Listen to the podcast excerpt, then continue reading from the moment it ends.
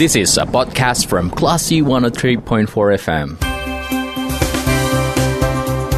Bicara melawan Corona bersama Classy FM.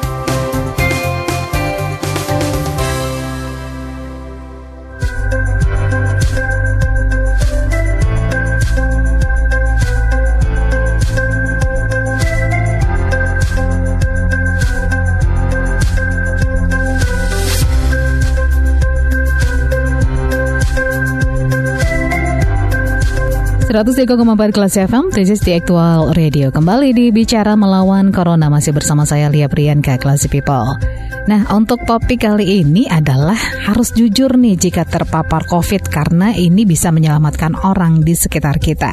Saya akan ngobrol dengan Kabak Binkar di Biro SDM Polda Sumber ada AKBP Cepi Noval.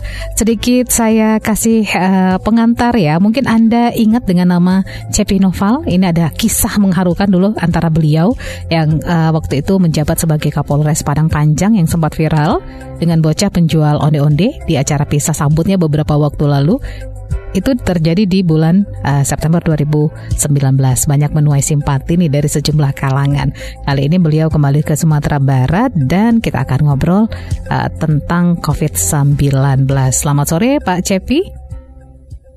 Selamat sore, Assalamualaikum warahmatullahi wabarakatuh. Waalaikumsalam warahmatullahi wabarakatuh. Sehat Pak, gimana kabarnya sore ini? Alhamdulillah sehat dan sedikit sibuk sebetulnya. Oke, kita ya. minta waktu sebentar ya Pak ya. Uh, iya. Dari kabar yang saya dapat, Bapak sempat uh, ini ya sempat terpapar COVID-19 dan sekarang sudah dinyatakan sehat ya Pak ya? Iya betul. Boleh cerita Pak kapan Bapak terpapar COVID-19?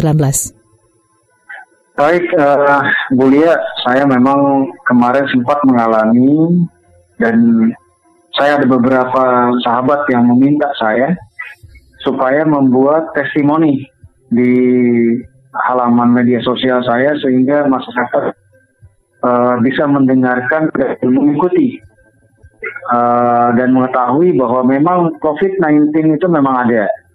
Makanya saya kemarin membuat uh, video yang menyatakan bahwa memang saya sudah terkena pada suatu kegiatan agama saat itu yang awalnya saya ragu mau menghadiri kegiatan agama tersebut karena tidak ada jarak sama sekali uh, pada saat kegiatan itu. Dan selesai kegiatan, saya kembali ke rumah. Kondisi badan saya itu agak nggak enak ya. Bukan agak lagi, memang jadi nggak enak. Akhirnya saya istirahat, tiduran. Malamnya mulai demam. Badan saya merasa demam, besok paginya panas dingin, malamnya demam lagi, besok paginya panas dingin selama dua hari. Kalau tidak salah. Dan hari ketiga serasa sembuh. Makanya saya coba untuk berangkat ke kantor, tapi di sini kok malah lemas. Berangkat dari lemas itu saya batal. Urung berangkat ke, ke kantor. Dan hari keempat, itu berarti uh, saya sudah siap berangkat ke kantor. Tapi kok indera penciuman dengan indera perasa saya itu hilang. Saya tidak bisa mencium odol saya, sabun saya, parfum saya. Ini kenapa? Saya penasaran dan akhirnya saya e, berangkatlah ke rumah sakit. Di rumah sakit saya minta di dan e, besoknya itu keluar hasil swab yang menyatakan bahwa saya positif. Namun demikian, pada hari H saya mulai terkena wabah, kebetulan keluarga sedang keluar kota jadi dari hari Jumat, Sabtu, Minggu, saya memang tidak ketemu sama sekali dengan keluarga saya atau anak istri. Dan karena saya sudah merasa ini kurang bagus arahnya, makanya saya tidak keluar dari kamar. Dan alhamdulillah di dalam kamar juga sudah ada kamar mandi. Jadi saya sama sekali tidak kontak dengan keluarga. Ketika hasil saya e, menyatakan bahwa saya positif, saya meminta supaya keluarga saya di swab juga. Alhamdulillah hasil swab keluarga saya uh, semuanya negatif. Demikian. Oke. Okay. Bu Lia. Setelah itu Bapak dirawat di mana Pak?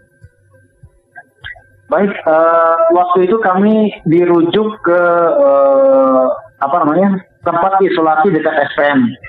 hmm. yang menuju ke SPM sana. Tapi karena penuh, akhirnya saya isolasi di rumah sendirian. Jadi ada rumah e, baru yang belum ada penghuninya, kami tinggal di situ e, selama kurang lebih 20 hari. Dan saya tidak berani sama sekali keluar dari kamar. Saya segala sesuatu hanya di kamar, di kamar, di kamar, di kamar. Namun ketika untuk berjemur, saya keluar dari kamar, keluar untuk berjemur, ketika satu jam menjelang uh, ada pekerja yang mau mengerjakan rumah itu, saya kembali ke dalam kamar dan disinfektan senantiasa saya semprotkan di seluruh ruangan uh, yang saya lewati itu, termasuk di gagang pintu dan lain-lainnya. Demikian, Bu Lia. Pengobatan selama isolasi mandiri seperti apa, Pak? Apakah ada tenaga medis yang bolak-balik datang untuk memeriksa kondisi Bapak atau seperti apa? Baik, untuk uh, pengobatan medisnya kami dimonitor lewat uh, telepon maupun WA setiap harinya. Ketika obat mau habis misalkan, itu langsung saya japri ke uh, dokternya karena memang dikasihkan nomor dokter dan nomor perawatnya dan ada grupnya juga, grup isolasi. Jadi kami dimonitor sama mereka untuk perkembangan-perkembangannya.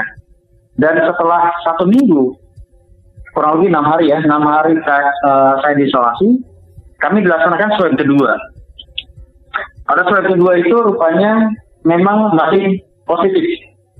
Jadi diadakanlah uh, kami diisolasi kembali dan dilaksanakan uh, apa namanya swab ketiga lagi.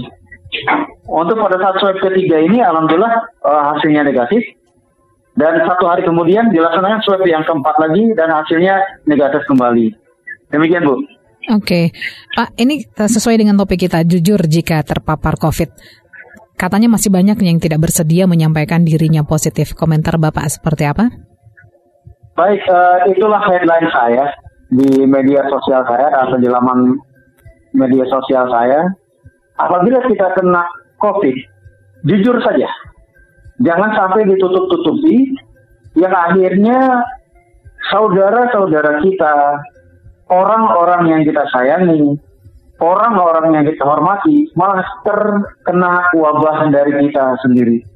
Ini yang mungkin uh, saya inginkan kepada setiap orang yang kalau memang terkena wabah ini lebih baik jujur datang ke dinas kesehatan setempat atau ke rumah sakit untuk dilaksanakan swab dan meminta treatment atau apa namanya isolasi mungkin bisa di tempat isolasi yang disiapkan maupun isolasi mandiri. Ini mungkin Bu yang perlu saya sampaikan. Oke baik, mudah-mudahan pesan ini sampai ke seluruh masyarakat Pak. Jadi kita bisa lebih uh, jujur lagi dengan kondisi masing-masing. Kalau memang terkena COVID ya langsung saja uh, minta di swab uh, atau minta dirawat begitu ya Pak uh, Cepi ya. Betul. Baik, betul, Pak. betul. Pak Cepi terima kasih banyak untuk waktunya sore hari ini sudah berbincang di Radio Kelas FM. Baik, terima kasih banyak Bu. Dan saya pesan kepada masyarakat. Uh, terkena atau terpapar COVID-19 itu bukan suatu aib. Bukan, saya katakan bukan aib. Ini adalah penyakit yang datangnya dari Allah Subhanahu wa taala. Dan tentunya setiap penyakit yang diturunkan itu pasti akan ada obatnya. Maka yakinlah bagi diri sendiri, bagi orang-orang terdekat kita, bagi seluruh masyarakat pada umumnya, Jujur, kalau kita terkena wabah ini, kalau kita sudah ada tanda-tandanya seperti sakit badan, demam, hilang penciuman, hilang indera perasa, sudah lakukan swab. Insya Allah dengan kita jujur kita bisa sembuh karena penanganannya pasti akan dilaksanakan oleh dokter atau di tempat kita isolasi nanti. Demikian Bu Lia, terima kasih. Wassalamualaikum warahmatullahi wabarakatuh. Waalaikumsalam warahmatullahi wabarakatuh. Terima kasih AKBP Cepi Noval, Kabak Binkar di Biro SDM Polda Sumatera Barat. Terima kasih Anda sudah mencermati program Bicara Melawan Corona bersama Klasi FM. Tetap waspada, bersama kita lawan Corona. This is a podcast from Classy 103.4 FM.